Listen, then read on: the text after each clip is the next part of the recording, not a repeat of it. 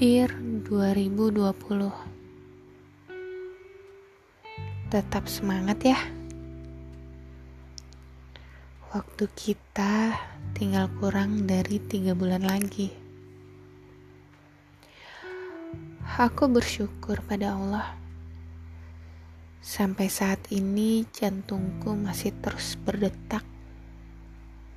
Dan aku sedang mensyukurinya Awalnya aku sangat membencimu. Namun, sekarang aku sadar bahwa membencimu tidak akan membuatku lulus dari ujianku.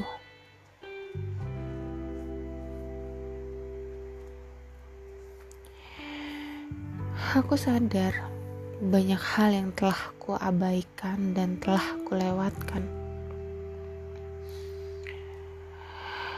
Hal itu telah membuatku sadar bahwa sang waktu tak akan pernah kembali.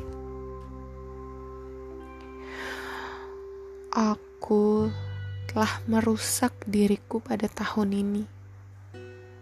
Berat, betapa berantakannya, sangat berat diriku dan hidupku. Hal yang paling sulit bagiku adalah saat menerima dan memaafkan diri sendiri. Sedangku coba dan sekarang semua aku pasrahkan kepada Allah.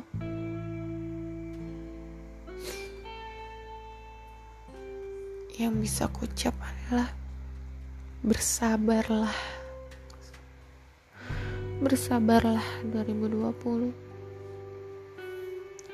kita pasti melewatinya.